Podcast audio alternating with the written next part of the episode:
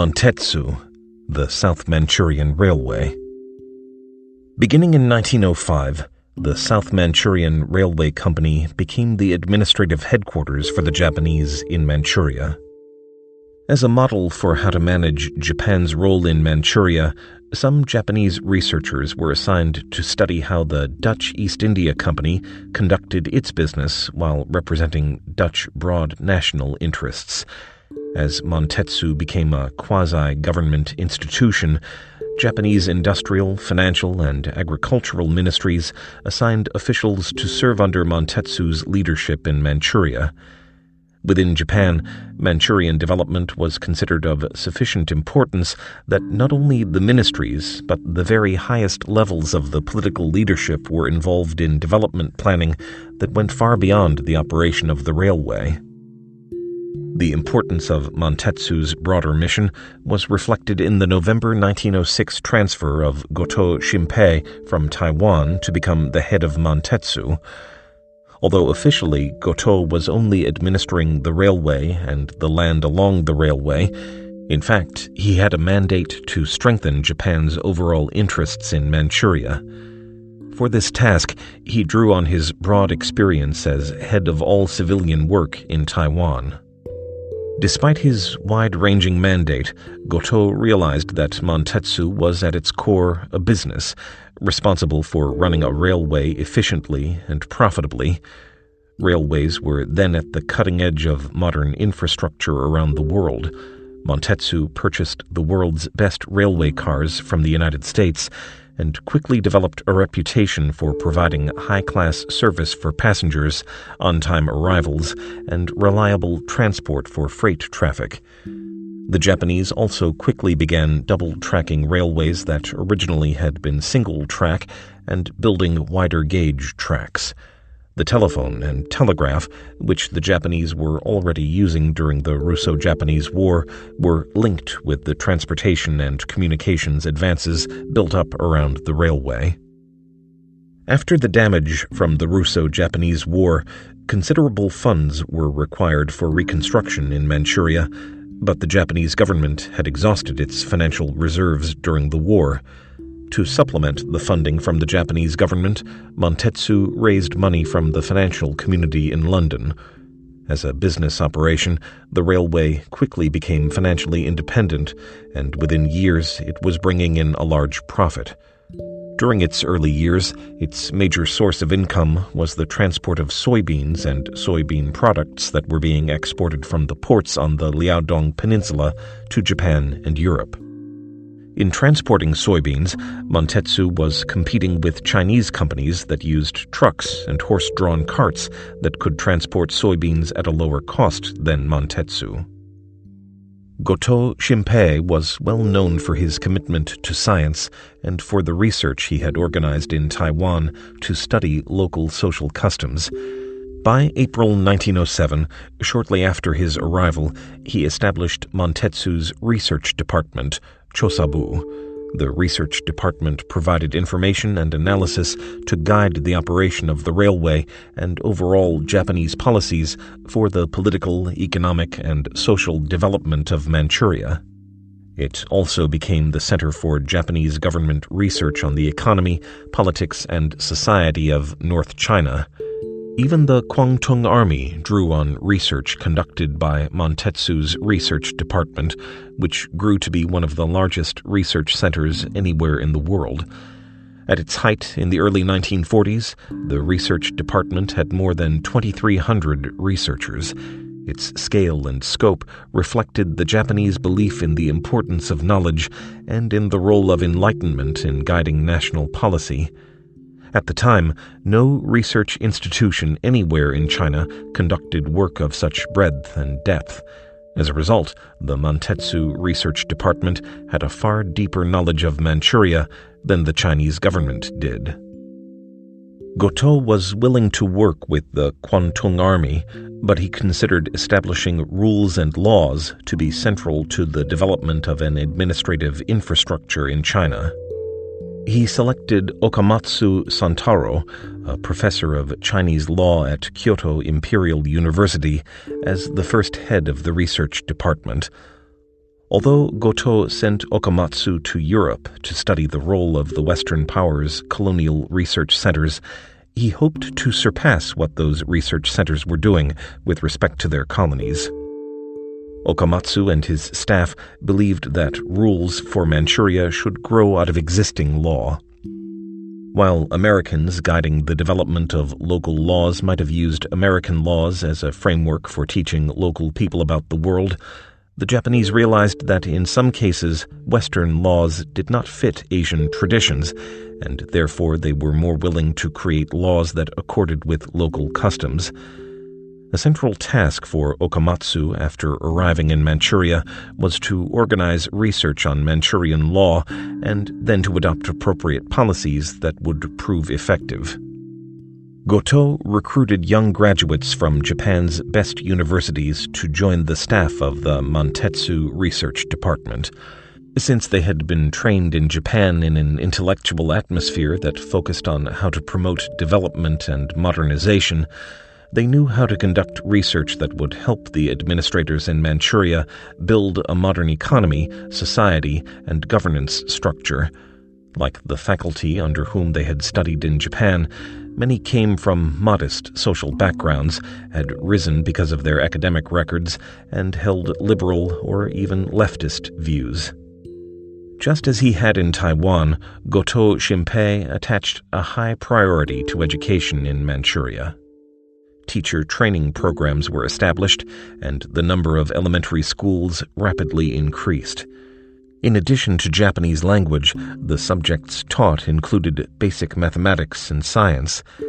In the better schools in towns and cities, where some Chinese students were admitted along with the more privileged Japanese students, the schools had some teachers from Japan and some Chinese teachers who had studied in Japan. Most of the educated Chinese in Manchuria who were of school age between 1931 and 1945 learned Japanese language. In the 1930s, nearly three fourths of the employees of Mantetsu were Chinese, although many did not hold positions as high as those of Japanese employees of comparable ability and length of service they did have better working conditions and received more stable salaries than most people in Manchuria. Other Chinese workers in Manchuria served as household servants for Japanese families or operated small retail establishments that catered to Japanese customers. Some were upset that they were treated poorly by the Japanese for whom they worked, but others appreciated the higher wages they received from Japanese employers. For higher positions in Mantetsu and for teachers, the Japanese drew from the small group of Chinese who had studied in Japan and then had returned to Manchuria. In addition to working for the South Manchurian Railway and for the government, those educated in Japan could also teach Japanese language in schools. Goto left Manchuria in 1908 to become Minister of Communications and Director of the National Railway Bureau in Tokyo, where he could oversee the policies he had established in Manchuria. He remained influential in Japan, where he later became mayor of Tokyo and then the first director of Tokyo Broadcasting System Corporation, currently NHK, the Japan Broadcasting Corporation. Goto Shimpei's successors generally shared his liberal vision. After the Russian Revolution of 1917, some Japanese intellectuals in Japan accepted many of the premises of the Russian revolutionaries that officials should struggle to improve the lot of the working classes, and, like some of the Chinese leftists with whom they had come in contact, they should use national planning to promote economic development. As leftist intellectuals within Japan felt pressure to conform to the increasing constraints imposed by Japan's ultranationalists, some migrated to Manchuria, where Goto's successors were more supportive of left wing intellectuals than the government was at home in Tokyo. The Russians had opened coal mines shortly before passing control of the railway over to the Japanese, and Mantetsu also invested in coal mines in Fushun, which became one of the largest open pit coal mines in the world. the railway began shipping coal to nearby Anshan, the site of iron ore mines, where it expanded the production of pig iron. As coal production increased, the transport of coal became a major source of revenue for Mantetsu. During World War I, when the embattled European countries had little energy for activities in Asia, the Japanese had more opportunities to expand their commercial role in Manchuria and elsewhere in China. Japan's growing power during World War I, and in particular the publication in 1915 of its 21 demands, presented as an ultimatum to China for increased Japanese influence and control, led to anti Japanese demonstrations by many young intellectuals and labor unions in Manchuria. The Kwantung Army. After 1905, the danger that Russia would start a war of revenge was used by the Imperial Japanese Army as a pretext for undertaking a sizable military buildup of Japanese troops on the Liaodong Peninsula in accordance with the Portsmouth Treaty signed at the end of the Russo Japanese War, which required Japanese and Russian troops to clear out of Manchuria within 18 months. Most demobilized Russian and Japanese troops had left Manchuria by 1907. However, the Japanese were allowed to retain guards posted every 15 kilometers along the railway and to station troops in Port Arthur and Dalian, Dairen on the Liaodong Peninsula. Initially totaling 10,000, the number of Japanese troops in the Kwantung Army expanded in 1931. Since Manchuria was the main overseas location for Japanese troops and an assignment in Manchuria was considered challenging, the Kwantung Army attracted some of the brightest, most patriotic, and most ambitious graduates of Japan's military academies. The Kwantung Army was responsible for defending the area in case Russian troops should seek revenge for their defeat in 1905 and for protecting Japanese citizens from attacks by local patriots. The Imperial Japanese Army took deep pride in its successes during the Sino Japanese War and its dedication to the nation, giving soldiers a sense of moral superiority over businessmen and politicians who pursued only selfish, personal interests. Many of Japan's military officers believed they had a glorious national mission to protect Asia from Westerners. When they saw that the Chinese government was not taking a strong stand against the 21 demands, patriotic young Chinese protesters responded with boycotts and occasional personal attacks on the Japanese. Japanese citizens living in Manchuria sought the protection of the Kwantung Army, some Japanese settlers in Manchuria, as well as some in the home islands, resented the haughtiness of Japanese soldiers and were more sympathetic to the Chinese people than they were to the military, just as some Mantetsu bureaucrats were sympathetic to the Chinese because of the harshness with which Kwantung Army officials dealt with local people.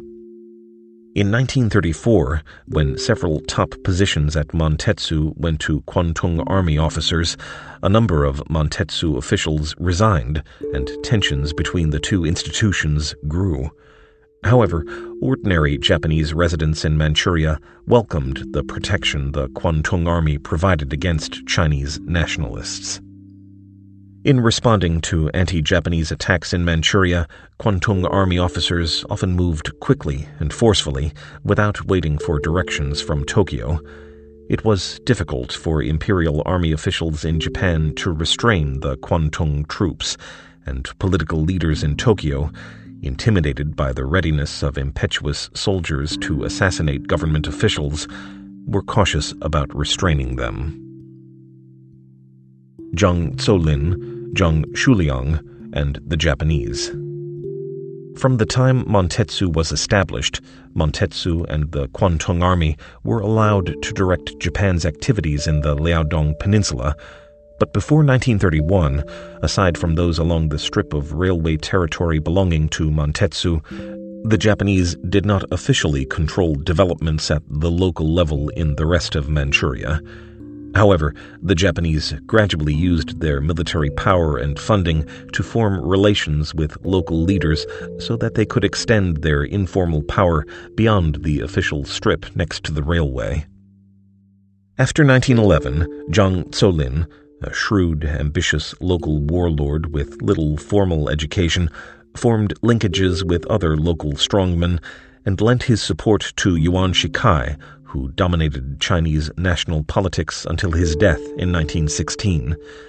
By the time of Yuan Shikai's death, Zhang Zuolin had established himself as the dominant warlord in Manchuria, and in 1920, China's central government appointed Zhang Governor General of the three provinces in Manchuria. Zhang hoped to get rid of the Japanese in the region, but he realized the limits of his power against Japan's greater economic and military strength. He therefore made efforts to accommodate his rule to the realities of Japanese power. The Japanese, while trying to extend their power, also made some accommodations to Zhang Zuolin. In 1925, when Zhang Zuolin faced a revolt led by Guo Songling, an officer under him, the Japanese assisted Zhang by refusing to allow Guo's forces to travel on the railway and by resisting efforts by his troops to travel across territory under their control. After 1926, as Zhang Zuolin was trying to build up his own railways and horse carriages to compete with the Japanese in transporting soybeans and other supplies, and as Zhang's ambitions were growing beyond Manchuria, relations between Zhang and the Japanese became strained. Zhang was cooperating with Wu Peifu and other warlords in Beiping to resist the northern expedition of Chiang Kai shek, who sought to unite all of China. Japanese leaders in Tokyo did not support the warlords against Chiang Kai shek, and Zhang was upset that the Japanese did not cooperate with him. Zhang's efforts to secure supplies within Manchuria for his activities beyond his provinces created shortages, which in turn led to runaway inflation in the region. The resultant social instability made it more difficult for Mantetsu and the Kwantung Army to maintain order and heightened tensions between Japan and Zhang Zuolin. By 1927, Zhang Zuolin had become the dominant leader in Beiping, but in June 1928, his allies lost ground and he was forced out of the city. As he was returning to his home in Manchuria, he was assassinated by the Japanese. After his assassination, the Kwantung army had to contend with Zhang Zuolin's son, Zhang Xueliang, who inherited his father's troops and followers. Zhang Xueliang, knowing Japan's great military power, did not publicly criticize the Japanese, but he saw them as his adversaries. He not only tried to maintain his military forces, but also sought to strengthen the economic base that his father had built.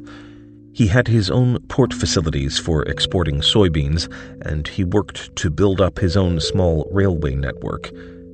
Tensions between the Japanese and Zhang Xueliang were exacerbated by the economic depression that broke out in 1929, and in 1930, for the first time in its history, Mantetsu lost money. The Manchurian Incident, 1931. At 10:20 p.m. on the night of September 18, 1931, a dynamite explosion on a track near Shenyang derailed a train transporting Zhang Xueliang, who was unharmed. The explosion caused only minor damage, and within minutes another train was able to pass over the spot where the train had been derailed. The next morning, Japan, claiming it was responding to the sabotage, sent in troops, and before the end of the day, they had destroyed Zhang Xueliang's small air force and taken over his small garrison in Shenyang. This event, the Manchurian incident, quickly reverberated around the world with implications that rippled out far beyond China and Japan. Within two weeks, it became clear that a group of right wing radicals within Japan's Kwantung Army, following the plans of their strategist Ishiwara Kanji, had set off the explosion and used the incident to enable Japanese troops to come in and gain control of all of Manchuria. Within days after the explosion, more Japanese troops arrived directly from Korea and then from Japan. Chiang Kai shek, who believed that Chinese forces were not yet ready to fight the Japanese, sent word that the Chinese troops should not resist the Japanese and should preserve their strength.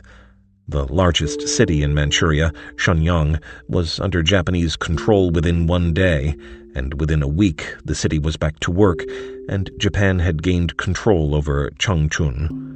Zhang Xueliang's troops offered some resistance in Jinzhou, a smaller city located not far from the pass separating Manchuria from the rest of China. Emperor Hirohito said that the Japanese troops should not attack Jinzhou, but the troops carried out an attack nonetheless, and several hundred people were killed. Five months after the Manchurian incident, armed resistance to the Japanese had basically ceased.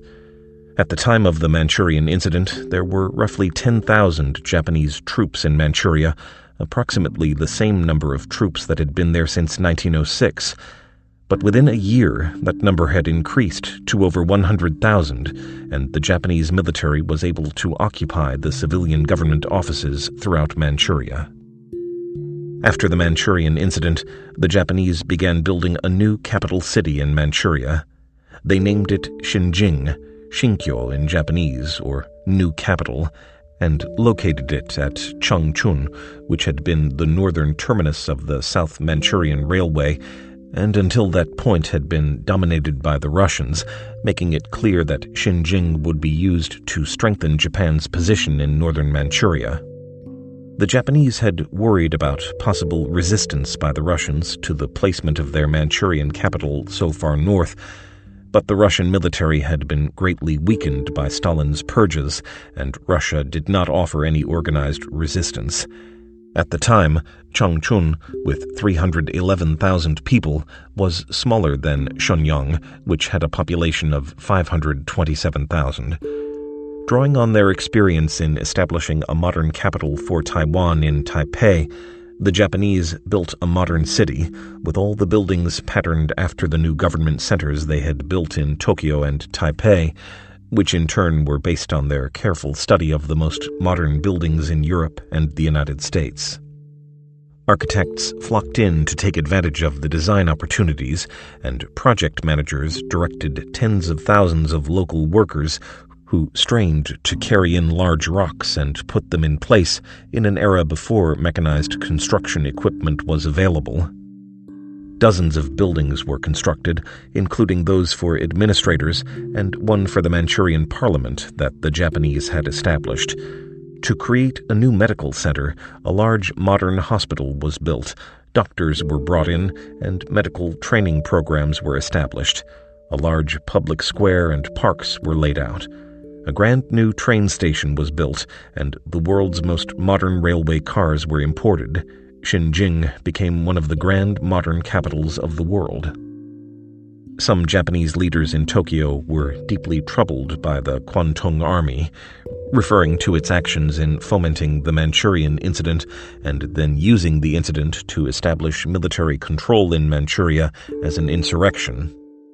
By the 1920s, the government of Japan had lost the strong central direction it had had when the Genro, the senior leaders who had taken part in the Meiji Restoration, passed from the scene, and many Japanese political leaders feared assassination by extremists on the right. In 1931, with the Japanese government divided, Prime Minister Wakatsuki Reijiro was unable to control the military Inukai Tsuyoshi, who became prime minister in December 1931, tried to stop the Kwantung army from occupying Jinzhou. He was preparing to send a representative to improve relations with China when he was assassinated by right wing naval officers on May 15, 1932.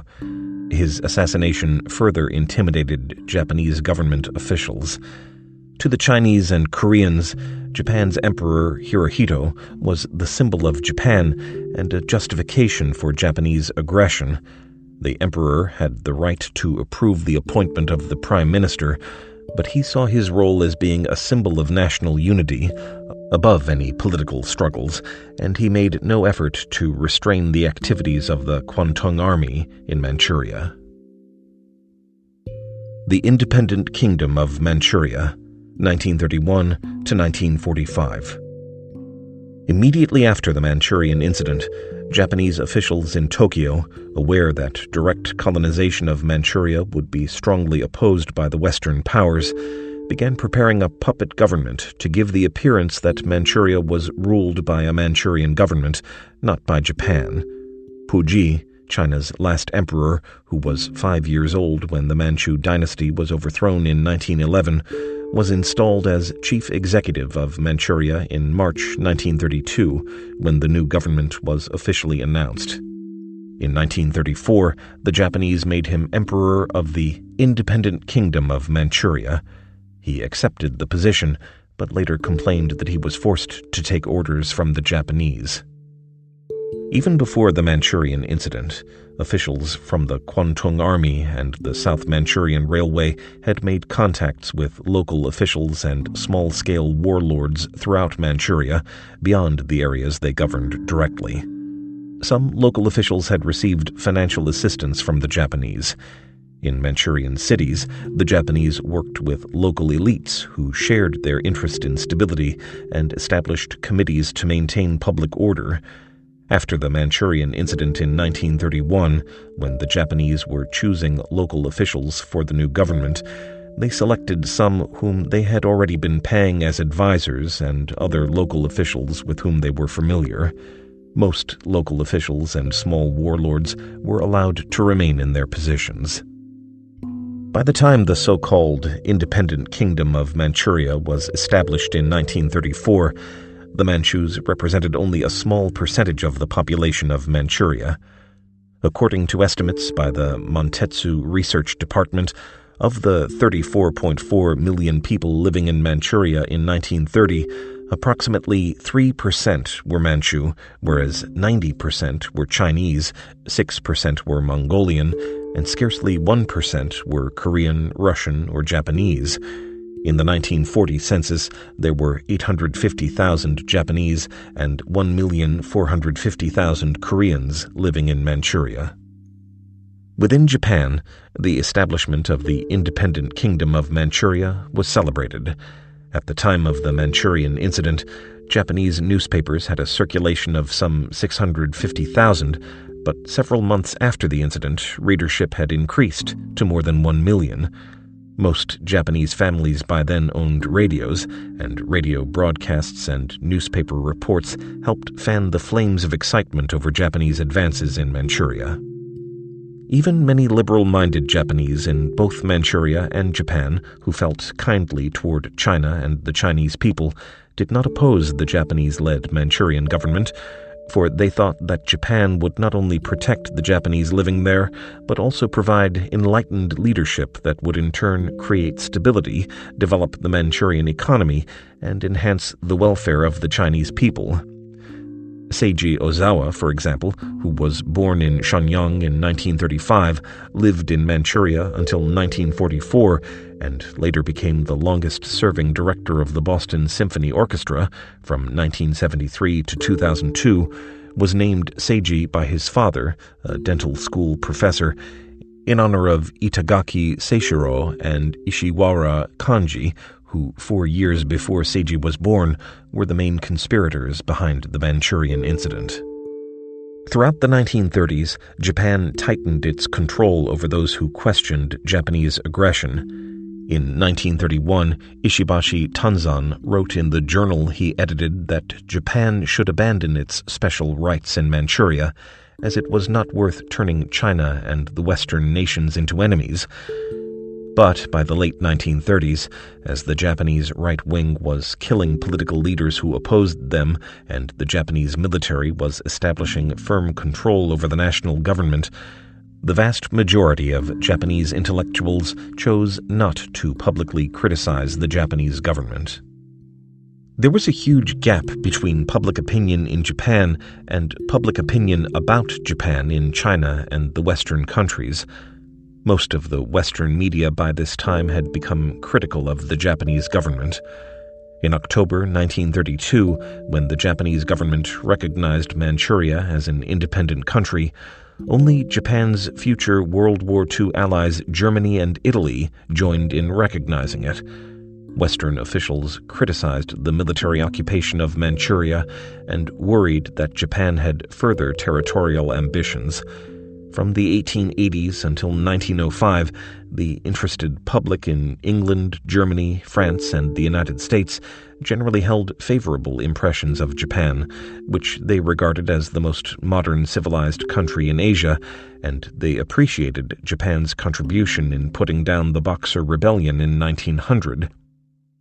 However, after Japan's victory over the Russians in 1905, its issuance of the 21 demands in 1915, the continued presence of Japanese troops in Manchuria after troops from other countries left in 1918, and the growth of the Japanese Navy, the Western powers grew watchful and more worried. Japan's activities in Manchuria further heightened their concern. Within months after the Manchurian incident, members of the League of Nations organized a commission headed by Lord Bulwer Lytton of England to investigate Japanese activities in Manchuria. The Lytton Commission, after spending six weeks in China, Japan, and Manchuria, wrote a report clearly stating that the Japanese had invaded Manchuria and that there was no international legal basis for Japan's territorial claims. The report was released in late 1932, and the League of Nations named Japan an aggressor nation. In early 1933, Japan withdrew from the League of Nations, maintaining its control over Manchuria. Manchuria and Chinese nationalism. As Thomas Gottschang and Diana Lary conclude from their research, there was no large scale anti Japanese resistance in Manchuria, even among migrant laborers. Compared with areas the Japanese army invaded during World War II, there was almost no fighting in Manchuria during its Japanese occupation. Even during the Manchurian incident of 1931, only a small number of people were directly involved.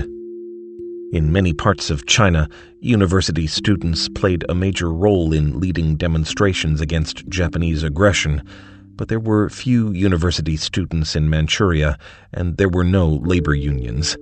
On December 9, 1935, when students in Beiping took to the streets advocating that China's communists and nationalists should unite to oppose Japan, and students in many other cities took part in similar demonstrations, there were no demonstrations in Manchuria. There was some resistance to the Japanese in Manchuria from Ma Zhanshan, a local warlord in Heilongjiang, and from other local warlords. But, as Rana Mitter concludes, despite the great publicity given to Ma's heroism in resisting the Japanese, his resistance was not carried out on a large scale, and it did not last long. Ma Zhanshan behaved more like a local warlord defending his own turf than an anti Japanese patriot promoting a national revolution, and in early 1932 he even cooperated with the Japanese. A small group of Manchurian residents moved south out of Manchuria and formed the Northeast National Salvation Society in an effort to link Manchurian resistance to national goals but they had little influence in either Manchuria or the nationalist movement. However, the Manchurian incident became well known in other parts of China, especially among young intellectuals, in whom it stirred up anti Japanese sentiment. As Parks Coble concludes, the negative sentiment generated by Japanese aggression was also turned into criticism of those officials' failure to resist the Japanese. The failure of Zhang Xueliang to stand up to Japan after his father's assassination gave his opponents an opportunity to criticize him for being weak in the face of the Japanese. Chiang Kai shek, long cautious about speaking out against the Japanese because of their military strength, was constantly criticized by the Communists for his failure to stand up to Japan. The legacy of colonization in Taiwan and Manchuria. The Chinese in Taiwan and Manchuria, who lived under Japanese rule, had learned how to live in what was then a modern society. They had become familiar with electric lighting, the radio, and the telephone, and they knew how to use banks. They had become familiar with trains and motor vehicles. Many had become literate under Japanese teachers. People in Taiwan were introduced to a modern lifestyle through Japanese culture. A generation of people in Taiwan knew how to operate in Japanese culture, and a group of Japanese people had become comfortable working in Taiwan. These connections would prove useful in carrying out rapid economic development in Taiwan after the Chinese Civil War and in establishing political, economic, and personal relationships between Taiwan and Japan that would continue long after China's civil war between the Communists and Nationalists ended in 1949. These ties would also create difficulties in the relationship between Beijing and Tokyo. In Manchuria, many of the buildings erected by the Japanese, such as those in the new capital of Xinjing, Changchun, and in the city of Dalian, remain today. The Kwantung Army headquarters is now the headquarters of the Jilin Provincial Committee of the Chinese Communist Party. Because many youths in Manchuria were educated in Japanese schools between 1931 and 1945, Many of China's Japan specialists after 1949 in business, government, and academic life came from China's northeast. They had experienced Japanese colonial rule, but unlike people in many other parts of China, they had not directly fought against the Japanese. Because there were so many Japanese people in Manchuria at the time, Many of the Chinese living there under Japanese rule had become familiar with the Japanese through local businesses, schools, and workplaces, and therefore they had a more nuanced view of the Japanese than those who had known them only as enemy soldiers. After the reform and opening of China in 1978, people in Manchuria were therefore more welcoming to the Japanese than people in other parts of China and many Japanese also felt more comfortable in China's northeast than elsewhere.